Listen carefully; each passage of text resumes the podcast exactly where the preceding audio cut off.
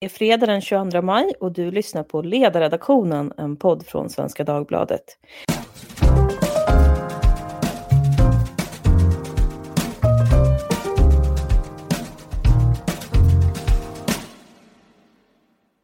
Jag heter Lydia Wåhlsten och idag ska vi prata om det mest spännande som har hänt den här veckan, nämligen den nya immunitetsstudien som kom från Folkhälsomyndigheten i förrgår och som verkligen slog ner som en bomb får man säga. Över tusen personer hade testats och immuniteten i Stockholm beräknades till 7,3 procent den sista veckan i april. I de flestas öron så lät det nog som en betydligt lägre siffra än den som både Folkhälsomyndigheten och matematikprofessor Tom Britton hade talat om för Stockholms del eh, för bara några veckor sedan. Men när studiens resultat blev känt så gled plötsligt de här två aktörernas berättelser isär. För medan Tom Britton i Aktuellt menade att både han och Folkhälsomyndigheten har haft någonting konstigt i sina modeller och att det nu är dags att gå tillbaka till ritbordet.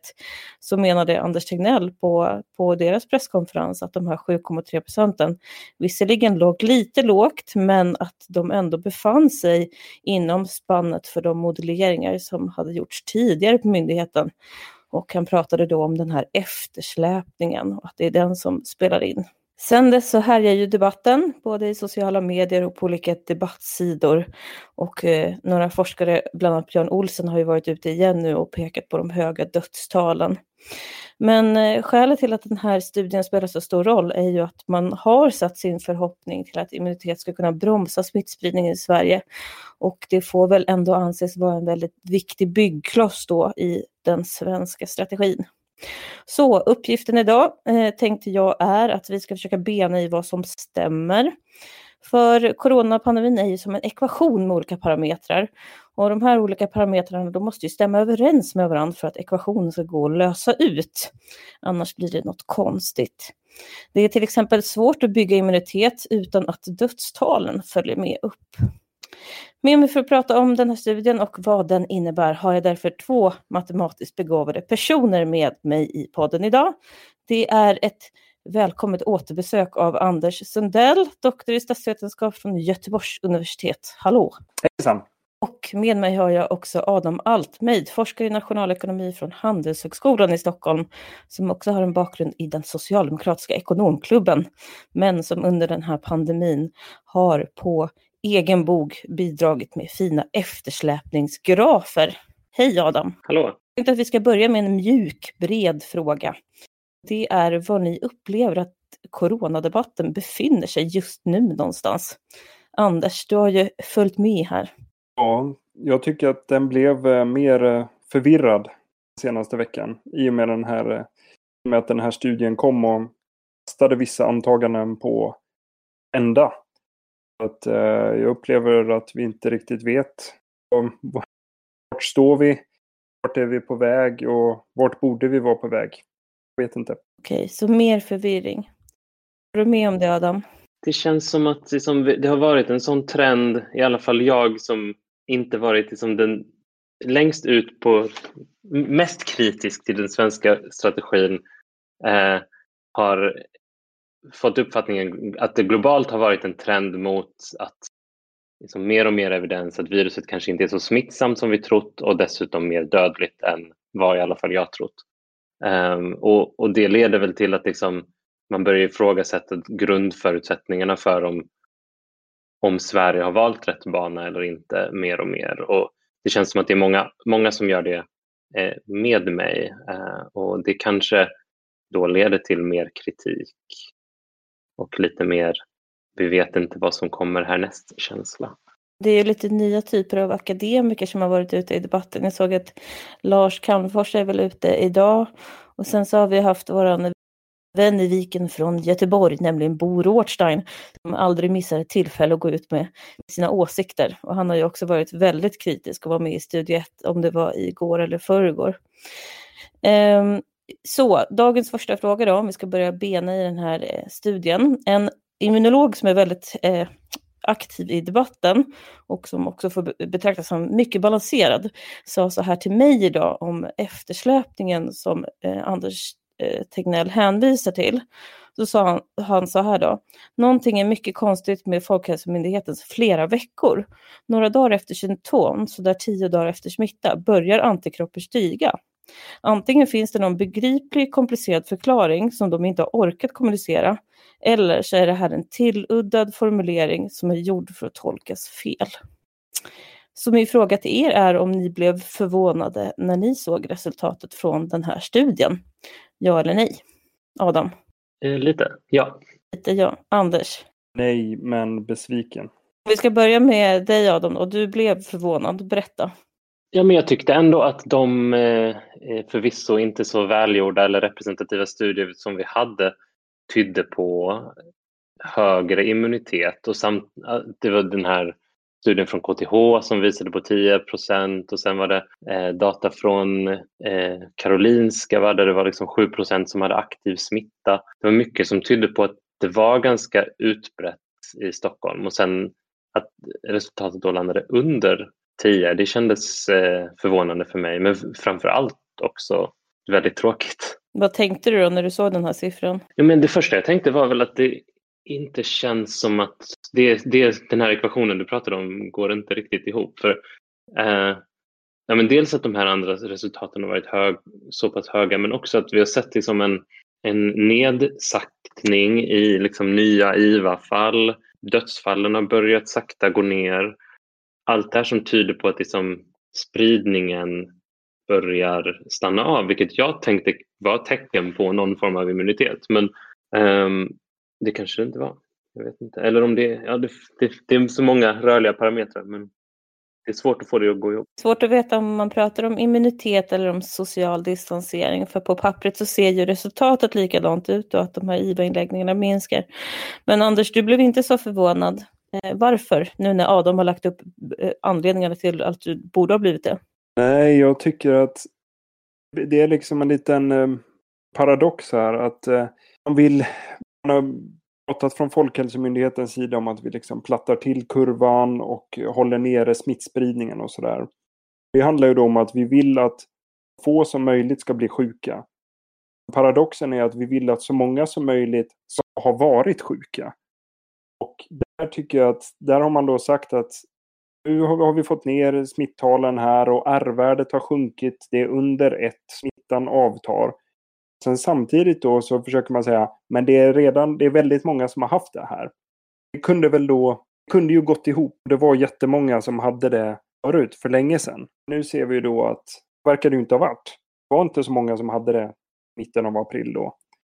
Och Eh, det, ställer ju allting i ett lite nytt läge om var vi, så att säga, vart vi är på den här kurvan känns det ju inte som att, för precis som Adam sa, så hade man ju ett intryck av att vi kommit över en puckel och att det värsta var över. Immuniteten börjar kicka in.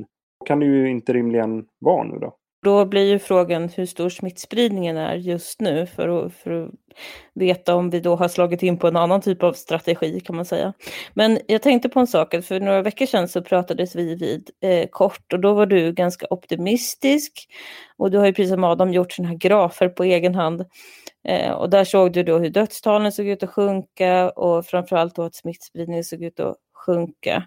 Men nu verkar du inte lika optimistisk. Vad är det som har hänt i dina grafer? Det beror ju på vad man ska ta fasta på. Dödstalen har ju inte fortsatt nedåt så mycket. Om man kollar på Folkhälsomyndighetens siffror från idag till exempel ser man ju att antalet döda har legat ganska platt länge i Sverige då eh, som helhet.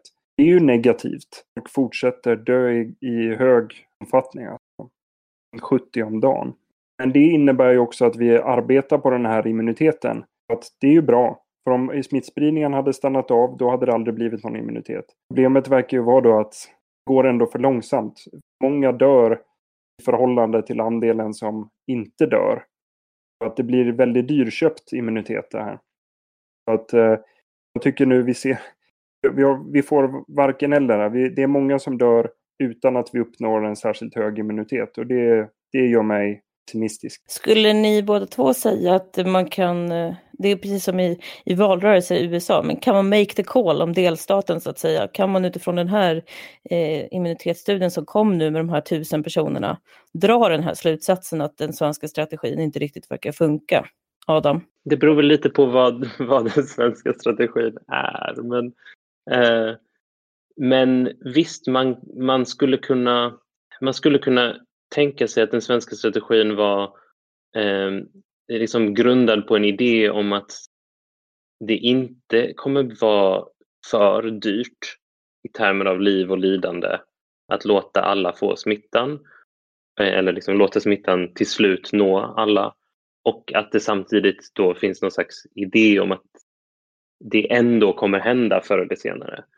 De, de två grejerna bygger ju på dels att smittan är svår eller omöjlig att stoppa och att eh, få dör. Men nu när man då lär sig att, den liksom, att det är många som dör, eh, fler som dör än man kanske trott, det, det blir väl liksom argument för, mot den strategin helt klart. Om vi går in på den här paradoxen som du pratade om Anders. Jag har ju döpt den nu till Tegnell-paradoxen efter att ha läst ditt inlägg, för det är ju ganska pedagogiskt, men det är också en hel del människor som har blivit upprörda. De tycker att du räknar konstigt på datum och sådär. Om du ska förklara mycket enkelt, vad är det som du kan säga utifrån de här siffrorna?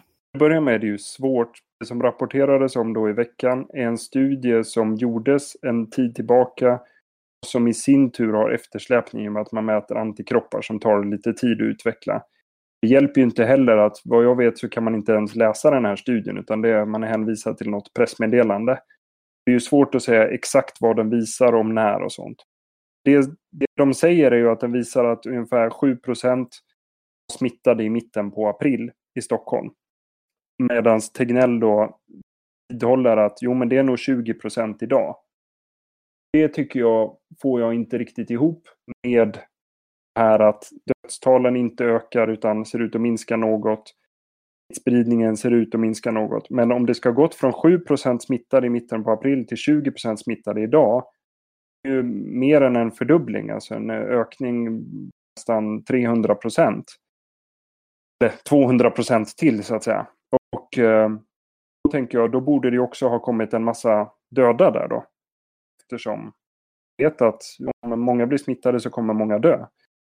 Det är det här jag inte får ihop, att man får bestämma sig för har vi kontroll på smittan och R-talet går ner eller har vi inte det? Och eh, här verkar det ju att man ger olika bud beroende på vad vi pratar om. När vi pratar om vilka som har haft smittan, då är det jättemånga. Men när det är vilka som får smittan och kommer dö av den, då är det inte så många. Det är det här som är paradoxalt tycker jag. Men om du ska ge Anders Tegnell benefit of the doubt då, vad, vad, skulle han kunna tänkas mena? Om det ska vara så välvilligt som möjligt. Svårt att säga. Det beror väl på hur långt bak i tiden den här bilden procent gäller. Det finns ju som sagt viss oklarhet där. Ju längre tillbaka i tiden den avser, desto bättre för Tegnell så att säga. Om det är mot senare delen av april, då blir det ju en kortare tid därefter som det här ytterligare smittan ska kunna ha skett. Och ju längre tid tillbaka, om vi ser att det här var mer första halvan av april, då har det ju haft längre tid för personer att ha blivit smittade i ett lugnt tempo. Ehm, men eh, jag tycker inte riktigt att det går ihop. Om det nu var 20 procent som var smittade i Stockholm idag skulle jag tro att vi borde haft ungefär tusen fler döda i Stockholm, givet de uppskattningar om dödlighet som har gjorts. Om man istället tar räknar baklänges och försöker gissa hur många som ska vara smittade utifrån antalet döda. Om det liksom följer samma mönster, då borde det vara ungefär kanske 13 procent smittade i Stockholm idag. Så att eh, jag tycker att det låter som eh, att eh, ett visst önsketänkande där kanske. Att man vill eh, hålla fast vid de gissningar som man har gjort tidigare. Och eh, om man ska göra en rent okulär besiktning så verkar det som att Tegnell ändå var lite spänd på just den här presskonferensen. För han sa ju både då att jo visst, det ligger lite lågt. Men liksom inom konfidensintervallet så, så om, man, om man tar liksom den nedre högsta punkten på respektive så kan man ändå få ihop det här. Eh, Adam, vad säger du om den här Tegnell-paradoxen? Jag skulle säga det också att om, om, om man vill vara djävulen eller liksom om man vill försöka försvara Tegnell här, han kanske inte är djävulen, men, eller säger han det. Uh, men om man, uh, om man vill det så kan man väl precis säga så att man, man tar liksom extremvärdena i de här osäkerhetsintervallen så kan man nog få det att gå ihop. Men, men liksom det, ska verkligen, det ska verkligen till mycket slump i precis rätt riktning tror jag. En annan sak som bidrar till det är ju det här att vi hade en vi har haft en liksom, tidigare officiell slumpad eller vad man ska kalla det studie i Sverige och det är den här som gjordes på PCR eh, i Stockholm där man hittade, för mig det var 2,5 procent som hade en aktiv infektion i slutet av mars. Det betyder att liksom, av de här 7,3 så kan liksom, eh, om man räknar att de 2,5 procenten var liksom alla som hade smittats tills dess, eh, då, då skulle det kunna vara så att det var upp till någonstans runt eh, 5 som smittades under första halvan av april. Och, eh, hur man då får det till att det skulle kunna vara 15% till under andra halvan eller under den månaden som kom efter. Det, liksom, det, kräver, det krävs mycket optimism i de här när man säger var osäkerheten i de här intervallen landar för att det ska gå ihop tror jag. Um, men, men för att. Samtidigt som man också säger att kurvan är tillplattad. Precis, precis. Man säger, det, det har inte gått upp sedan mitten av april. Det har det ju inte. Men det enda, enda kanske argumentet som skulle kunna försvara det, förutom då att den här antikroppsstudien vad jag förstått inte är gjord på ett representativt urval utan på ett slumpmässigt urval från eh, eh öppenvården, vilket, och, och, jag tror inte den är viktad på något sätt för att representera befolkningen bättre heller. Um, så visst, det skulle kunna vara så att den inte representerar befolkningen på något sätt som gör att den blir fel. Men sen en sak som jag tyckte var lite eh, ändå positivt med de här siffrorna och som kanske skulle kunna hjälpa till passa in det i Folkhälsomyndighetens modell är ju det här att man såg att det var mycket färre, mycket mindre antikroppar bland äldre personer som var med. Eh, och det skulle kanske kunna vara så att man liksom misslyckades fatalt med att skydda äldre i början och sen har liksom lyckats bättre med det, fått, igång, fått till rutinerna i äldrevården. Um, och att det helt enkelt är så att liksom spridningen fortsätter i högre takt men dödligheten har minskat för att färre äldre blir smittade. Om jag får knyta an till det, den där studien du pratade om med 2,5 procent. Mm. Den den är ju viktig för att den var ju ett viktigt ingångsvärde i de eh, prognoser som eh, Britton och Folkhälsomyndigheten gjorde. Och den byggde ju i sin tur på 700 personer eller någonting varav 17 hade smittan. Så det var ju, om vi, om vi viktar ner trovärdigheten på den och tänker att det kanske var alldeles för mycket då. Att, den, eh, att i själva verket låg det på 1 där eller någonting lägre. Då hade ju den prognoser de gjort över smittspriden antagligen sett mycket plattare ut. Ehm, och då hade vi kanske haft ett annat läge. Så det finns ju mer osäkerhet och jag skulle nog gissa på, även om jag inte riktigt, även om det är oklart hur urvalet till den här nya studien har gått till, och ju den kanske ändå mer värdig i och med att den har lite högre del smittade och sådär. De här 17 personerna som låg till grund för den uppskattningen där i, i slutet av mars, det är ju så väldigt känsligt där. Att om vi tänker att den är någonting annat, då kan det hända att allting går ihop på ett mycket bättre sätt. Att det inte var en sån exponentiell utveckling som det verkade då, utan det var en långsammare smittspridningstakt, vilket ledde till 7% eh, i mitten på april och antagligen inte till 20% idag. En sak som är konstig där det är ju att eh, om det nu skulle vara så att det här urvalet inte på något sätt är representativt, så då har man ju eh, det är ju väldigt konstigt då att Folkhälsomyndigheten går ut och ändå gör ett så pass stort nummer av den här siffran. Eh, kan man ju säga som, som kritik då, för att jag menar det är ju oerhört viktigt och inte minst för dem då, som att det här är grunden för hur den svenska strategin diskuteras. Det är väldigt konstigt att man inte bara gör ordentliga slumpade urval. Ehm, det skulle verkligen gå. Det är konstigt att vi inte får läsa. Varför får vi inte läsa en ordentlig rapport där det står hur metodiken har gått till, när proven har tagits, när det här gäller för. Det, det är så väldigt knapphändigt allting. kombinerat med oklarhet kring vad strategin är. I samband med det här så har ju Tegnell också att ja, det här med flockimmunitet, att det skulle hjälpa, det är en myt. Samtidigt som han själv veckan innan sagt att nu börjar vi se effekten av flockimmunitet i Stockholm och så här. Att, liksom att, att det ska behöva vara osäkerhet, inte bara kring data och verkligheten, utan även är det vi håller på med eller varför håller vi på med det vi håller på med. Det tycker jag är inte bra.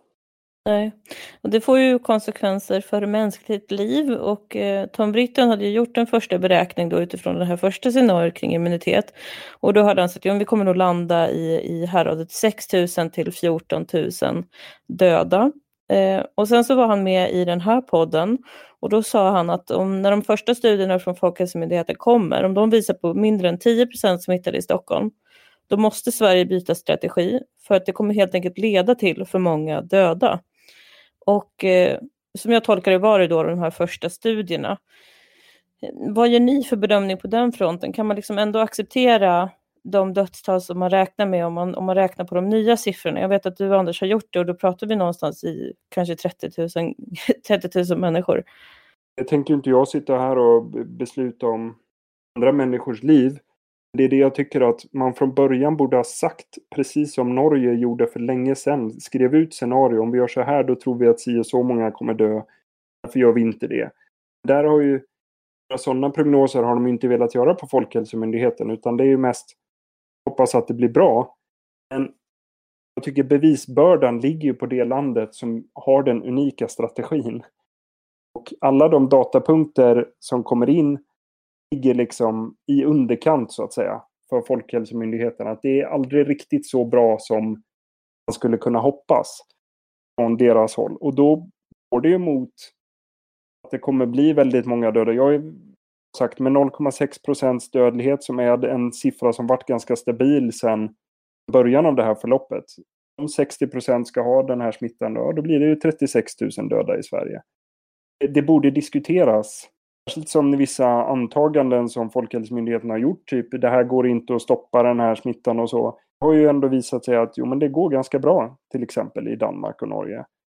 Att det borde ju någon gång vara dags för ett omtag när man, man funderar på vad det är vi har gjort och om det går att byta och om det finns någonting att byta till.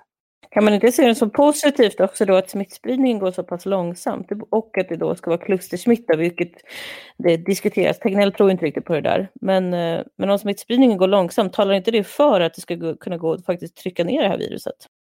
Visst, och det, det, är ju det, det är ju den här paradoxen. Vill vi, att, vi vill inte att många ska bli smittade, men vi vill att många ska ha varit smittade.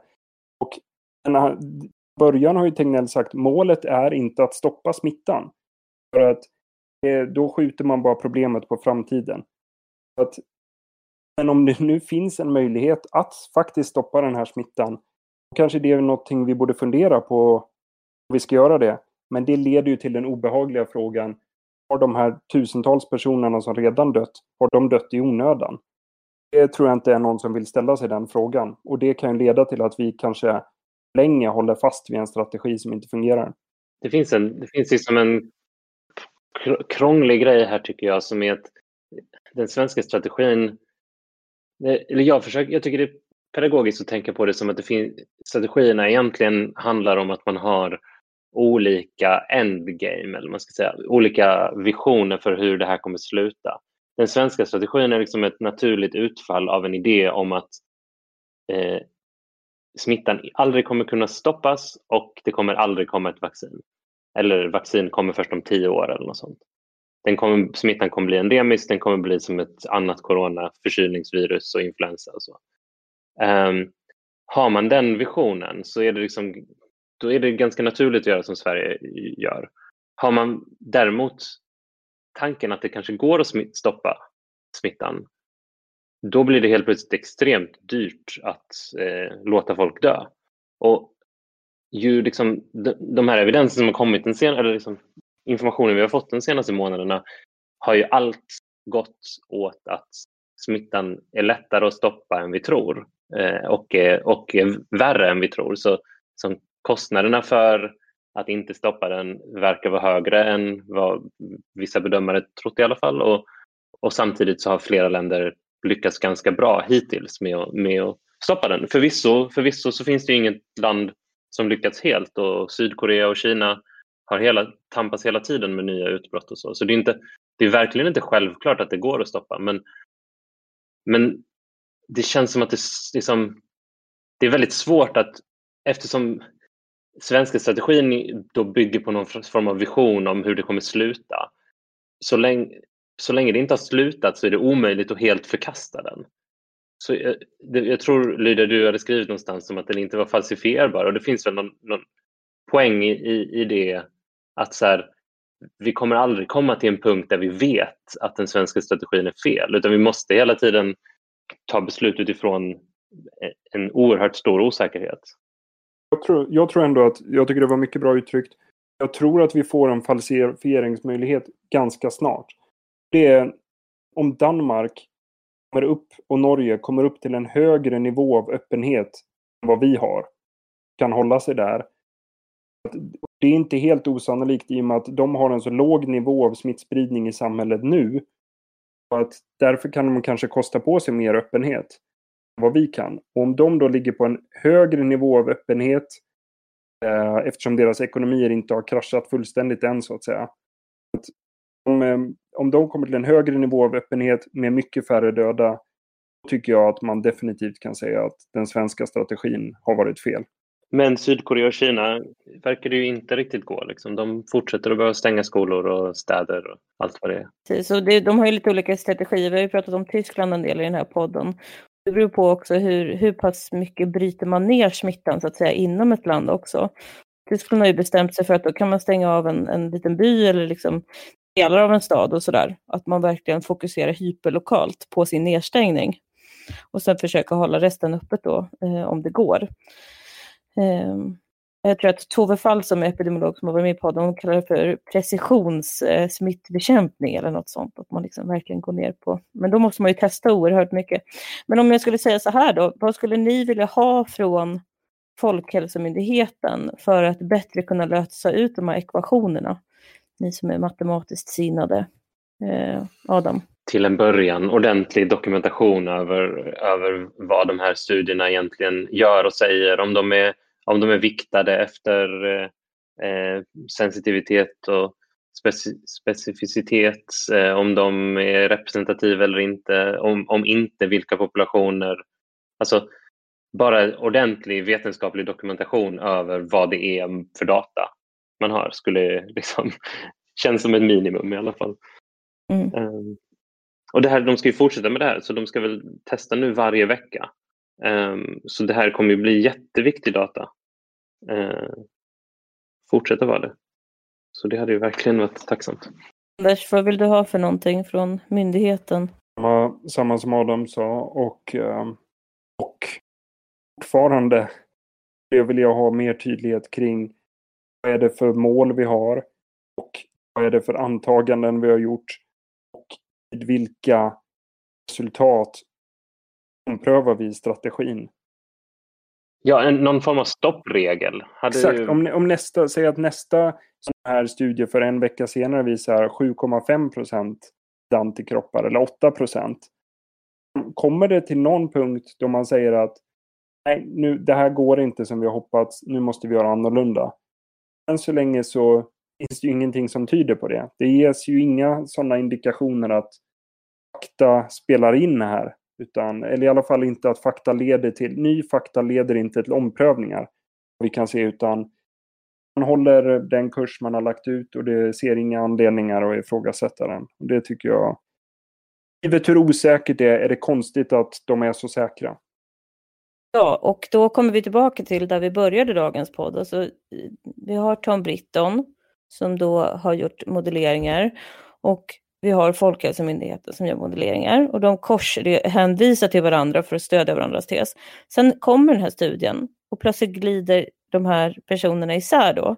Och Anders Tegnell har högt förtroende på presskonferensen och Tom Britton säger att jag måste tillbaka till skrivbordet, det är något, eller ritbordet, det är någonting som har gått snett här. Hur, hur, vad, vad drar ni för slutsats av att de kunde se så olika på det här? Britton resonerar ju som en akademiker. Uh, ny, ny fakta, om det inte är överens med modellen, då är det antagligen modellen som är fel. och då försöker han ju om den. Tegnell låter ju mer som en politiker eller en beslutsfattare. Han har ju mer något att försvara i och med att det är de som står för rådande policy. Men skulle önska att Tegnell pratade mer som en akademiker i det här läget. Det är så svårt just det här för att Folkhälsomyndigheten inte är tydliga offentligt med liksom vad, vad de, varför de gör som de gör och vad liksom strategin egentligen är och så. Och då, då blir det här en... Eh, när, han, när, han säger, när, när han är så där säker, då, då, då blir i alla fall jag tänka att han kan inte vara så säker egentligen. Det måste, det måste vara någonting han... Det måste vara ett sätt han uttrycker sig på för att han behöver fortsatt politiskt stöd till eh, sin strategi. Det finns ju ett, en aspekt här som är så här, om vi om, om de har rätt att det, smittan kommer bli endemisk och det här hjälper inte och vi ändå går över till en slå ner och håller på med mycket hårdare policies mycket längre.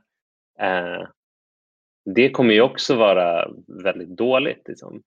Eh, så, så att det finns ju en aspekt här som eh, liksom Anders klokt påpekade att alltså att Folkhälsomyndigheten är beslutsfattare i någon mån eller liksom väljer hur, hur vi ska gå. Det, är, det gör kanske att man, de tar mer politiskt hänsynstagande, vilket jag skulle ja, mycket hellre vilja att politikerna gjorde istället för Folkhälsomyndigheten. Men, men det kanske finns en sån aspekt. Jag såg att eh, Anna Solberg från Norge var med i Studio 1 här i veckan och sa att ja, men i Norge hade det här aldrig varit tänkbart att man hade satt en chef från Folkhälsomyndigheten och fattat de här besluten det är inte särskilt, särskilt schysst heller. Alltså, som du säger, även att byta strategi kan ju potentiellt ha extremt höga ekonomiska kostnader. Nu verkar det vara som att eh, Sverige får väldigt höga kostnader ändå, eftersom att vi är ett sånt litet exportberoende land och folk vill inte konsumera för att man är orolig för att förlora jobbet och det känns inte så trevligt att sitta och mysa på restauranger längre.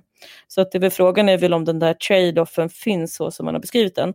Men Annika Linde, vår tidigare statsepidemiolog, var med i podden här i veckan och hon sa att hon fattade inte vad strategin var. Hon hade tidigt sagt att hon trodde att det var flockimmunitet, fick välbygga kritik för det. Och sen sa hon att ja, men med tiden då har jag tänkt att ja, men det måste handla om att de har tagit bredare folkhälsohänsyn.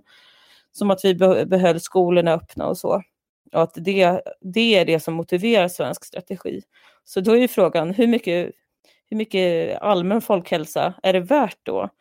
Eh, att, att få de här, det här dödstalet som vi förmodligen då ser fram emot, om, eller inte ser fram emot, men, men som kommer att komma om, om vi inte gör någonting annat. En annan sak är väl så här, eh, vad, vad vet vi om spridningstakten idag? Jag tänkte att vi ska gå igenom några frågor. Jag frågade på Twitter om någon undrade någonting till er. Och då var en, en sån fråga, vad vet vi om spridningstakten idag? Vad säger ni? De gör ju egna uppskattningar, Folkhälsomyndigheten. Och de säger ju då att det här R-värdet ligger ju på kring ett eller strax under ett. Att varje person för det här vidare till en ny person. Då är det ju ingen dramatisk ökning så att säga, utan det bara hålls igång. Det tycker jag då inte rimmar som sagt med att det skulle gå till 7 till 20 procent eller så. Att, och eh, jag tycker det låter rimligt att tänka att spridningstakten är ganska jämn i och med att antalet döda fortsätter vara ganska jämnt. Alltså antalet nya. Så det verkar ju som att det är inte någon eh, liksom, explosionsartad utveckling som det var i början av förloppet. Utan folk fortsätter att smittas i ungefär samma takt som det har varit den senaste tiden. Den eh, 29 april kom det ju en sån här R-värdesprognos, massa datum tillbaka. Jag har inte sett att det kommit någon ny sån. Men skulle en sån ny prognos hjälpa er på något sätt? Man kan se, eh, det, det ligger en, de har gjort den vid 15 maj eh, från Folkhälsomyndigheten. Och då, då ligger den ju ganska platt, så att säga. Så att, återigen, det är också någonting som ska in i ekvationen och jag tycker, jag ser inte att Tegnell får ihop sin, sina 20 procent i Stockholm med den kurvan som de har själva tagit fram. Men i den 15 maj-rapporten, då ligger R-värdet kring 1 alltså. Det betyder ju alltså att, in, att smittan inte avtar så kraftigt heller. För att varje decimal här spelar ju en hel del roll. Den, den ligger något under 1 så avtar lite grann. Det, det, är väl här lite som den här känslan av, som jag, jag tror vissa, jag tror Tegnell är inne på, liksom att, att immunitet borde spela roll eftersom R-värdet är alltså att vi börjar se att det avtar. Liksom. Och, eh, jag, och av den anledningen skulle det vara nyttigt att, att se fler, eh, fler sådana här eh, estimat av R, men egentligen jag tror det är väl egentligen viktigast att hålla koll på bara för att se att om det skulle skjuta i höjden att man snabbt måste ta till nya, eh, nya hårdare restriktioner. Men så länge det inte gör det så är det väl egentligen bara inte så mycket mer att använda det till, tänker jag. Jag ska dra igenom några till läsar och lyssnarfrågor innan vi avslutar. Men då undrar Mara, varför finns det inte den minsta öppenhet för annan internationell expertis? Adam, du som är politiskt intresserad, varför är man inte mer intresserad av andra? Vilka är man? Folkhälsomyndigheten? Jag, jag vet faktiskt inte om de inte är det. Jag tror de, de verkar ju ha en stark idé av att data från andra länder inte är så informativ. Och om det stämmer eller inte, det vet jag inte. Men, det, men, men, men, men det är ju onekligen så att det är väldigt stor heterogenitet i utfall givet policy mellan länder. Så det är ju väldigt mycket variabler som varierar mellan länder som vi har inte riktigt lyckats liksom, pinpointa än. Och det kanske är därför det är svårt att använda information från andra länder av den anledningen i alla fall. Och på samma tema då, Anders, då frågar Erik, att, eller han säger så här, det vore intressant att höra om, om eh, ni anser att vi behandlar data konsekvent och objektivt. Jag upplever att vi inte följer försiktighetsprinciper för svensk data, men ofta worst case när vi pratar om andra länder. Ja, Håller du med? Jag tycker att eh, Adam var inne på tidigare, om, om det handlar om så att säga försiktighetsprincipen i att vi, hur vi ska dra slutsatser om strategi och så, så känns det som att vi, som att det skulle kunna hända att de prognoser som man gjort stämmer om vi har haft tur så att säga. Om det låg eh, det, det, var lite fel i mätningen åt det hållet och i den andra mätningen så var det lite fel åt det hållet och i den tredje mätningen så var det lite fel åt det här hållet. Om allt det inträffar, då hade vi rätt. Men jag tycker att ofta så känns det som att det finns enklare förklaringar. Till exempel smittspridningen är inte så stor. Det är inte så många som är immuna och så. Så att om jag tolkar frågan rätt så håller jag med. Jag tycker att det är ett visst önsketänkande från officiellt håll, ser det ut som.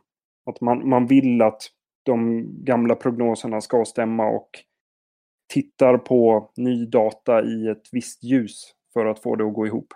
Jag, jag håller helt med, men jag tänkte på en annan grej eh, angående den frågan som jag tycker är intressant och det är hur från många olika håll tycker jag man märker att så här, när det gäller svensk data så, eh, eller statistik som publiceras på, på Sverige så, så liksom hör man ofta olika typer av kritik av den som liksom går in på detaljer som typ ja men det var bara 40 procent som svarade på den här eh, enkäten KTH gjorde till exempel. Men, men sen är det ofta så att eh, i statistik från andra länder så kan det vara liksom lika låg svarande frekvens men, men eftersom den datan kanske är lite svårare att hitta så, så tar man bara punktestimatet från den och säger att och tar det at face value medan man är mycket mer detaljkritisk när det gäller svensk data. Det, det har jag uppmärksammat.